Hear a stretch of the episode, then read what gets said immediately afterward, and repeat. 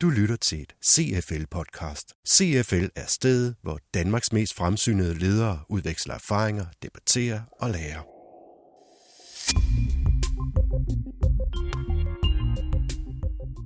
Velkommen til dit ugenlige podcast fra CFL. Din vært er Søren Prehn. I denne uge får du en smagsprøve på det næste store ledelsespodcast, hvor temaet er eksekvering. Men først skal det handle om, hvordan man laver en god PowerPoint, og hvordan man kommer godt fra start. Det giver Troels Østergaard, der er lektor i journalistik på Danmarks Medie- og Journalisterskole, her sit bud på. Oftest vil vi være i en situation, hvor vi skal præsentere os selv øh, for tilskuerne, i hvert fald hvis de ikke kender os på forhånd. En af de ting, man skal undlade at gøre, det er at opremse hele sit CV. En af de ting, man til gengæld skal gøre, det er, at man skal vise, hvordan ens øh, karriere, ens liv i det hele taget, og de valg, man har foretaget, og de ting, man har beskæftiget sig med, hvordan de ting på en eller anden måde giver relevans i forhold til dem, du taler med. Det vil sige, at du skal knytte en erfaringshorisont mellem det, som du har lavet, og det, som dine tilskuere øh, har brug for at få at vide af dig. Så det handler i virkeligheden meget om at få dig selv gjort relevant over for dem, du taler om. En anden god måde at lægge ud på, det er selvfølgelig at komme med en, øh, en anekdote.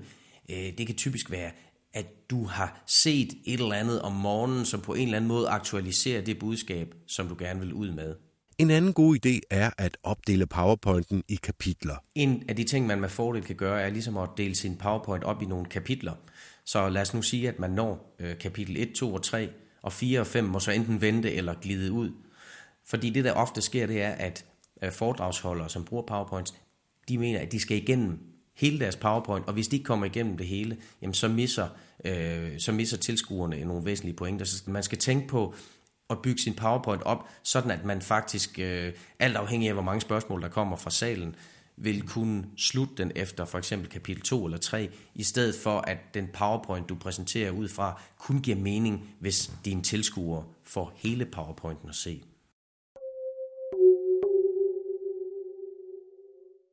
PowerPoint har egentlig fået lidt uberettiget dårligt ry gennem årene.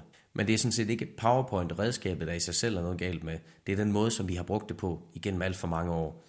Det vil sige, at vi har brugt det som et øh, dokument, eller et Word-dokument, eller et Excel-ark, hvor vi i virkeligheden nærmere skulle have set det som en, en film eller en billedfortælling.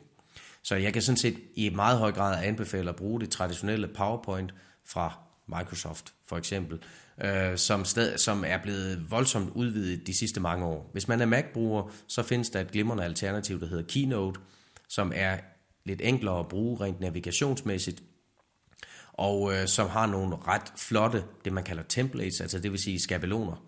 Øh, en mulighed er også at tilkøbe sig nogle forskellige øh, øh animerede baggrunde, det vil sige baggrund, hvor der er bevægelse på, og øh, det kan give ens øh, præsentation et, et virkelig professionelt udseende.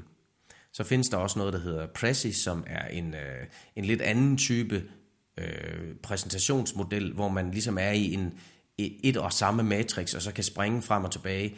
Øh, men det fungerer bedre, hvor der er en meget, meget aktiv dialog mellem den, der præsenterer, og dem, der bliver præsenteret for.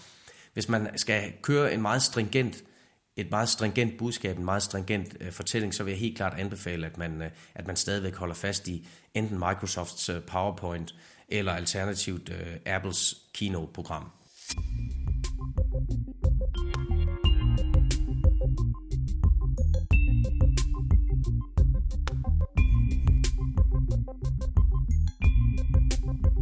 Altså den, den optimale øh, kombination, når det handler om, om indlæring og forståelse, det er en øh, kombination af, at du taler og har opbygget tillidsforhold til, til dem, der lytter til dig, samtidig med, at du visuelt understreger pointerne via din PowerPoint. Det er jo sådan, at nogle er mere visuelt orienteret, og nogle er mere auditivt orienteret.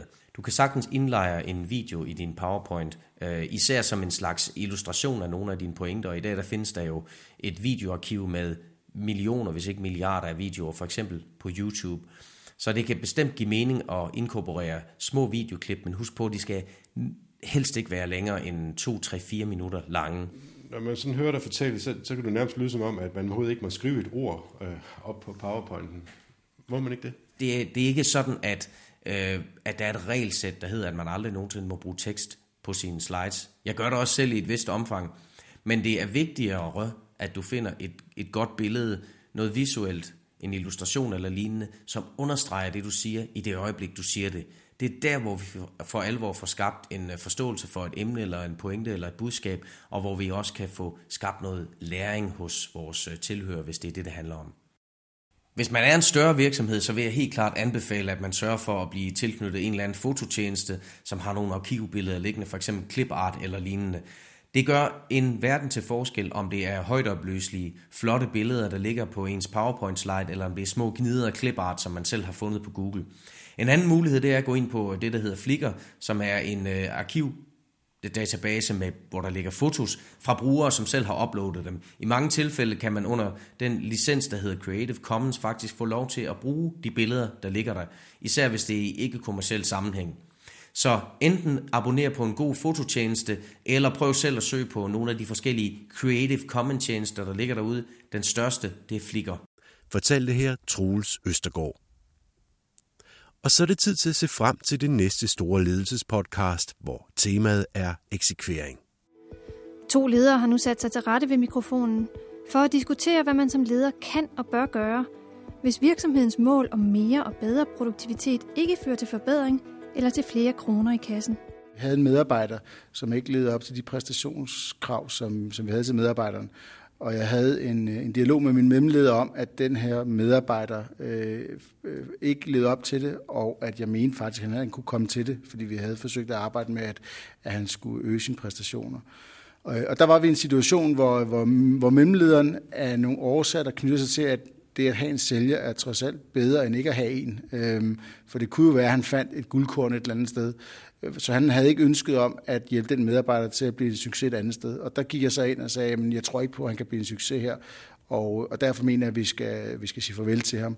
Øh, så det var, der, det var et eksempel på, hvor jeg overrulede øh, min mellemleder. Øh, og øh, konsekvensen var så, at, at vi sagde farvel til en, en medarbejder, som, som så har fået et, et job et andet sted og, og gør en god figur der. Du har lyttet til et podcast fra CFL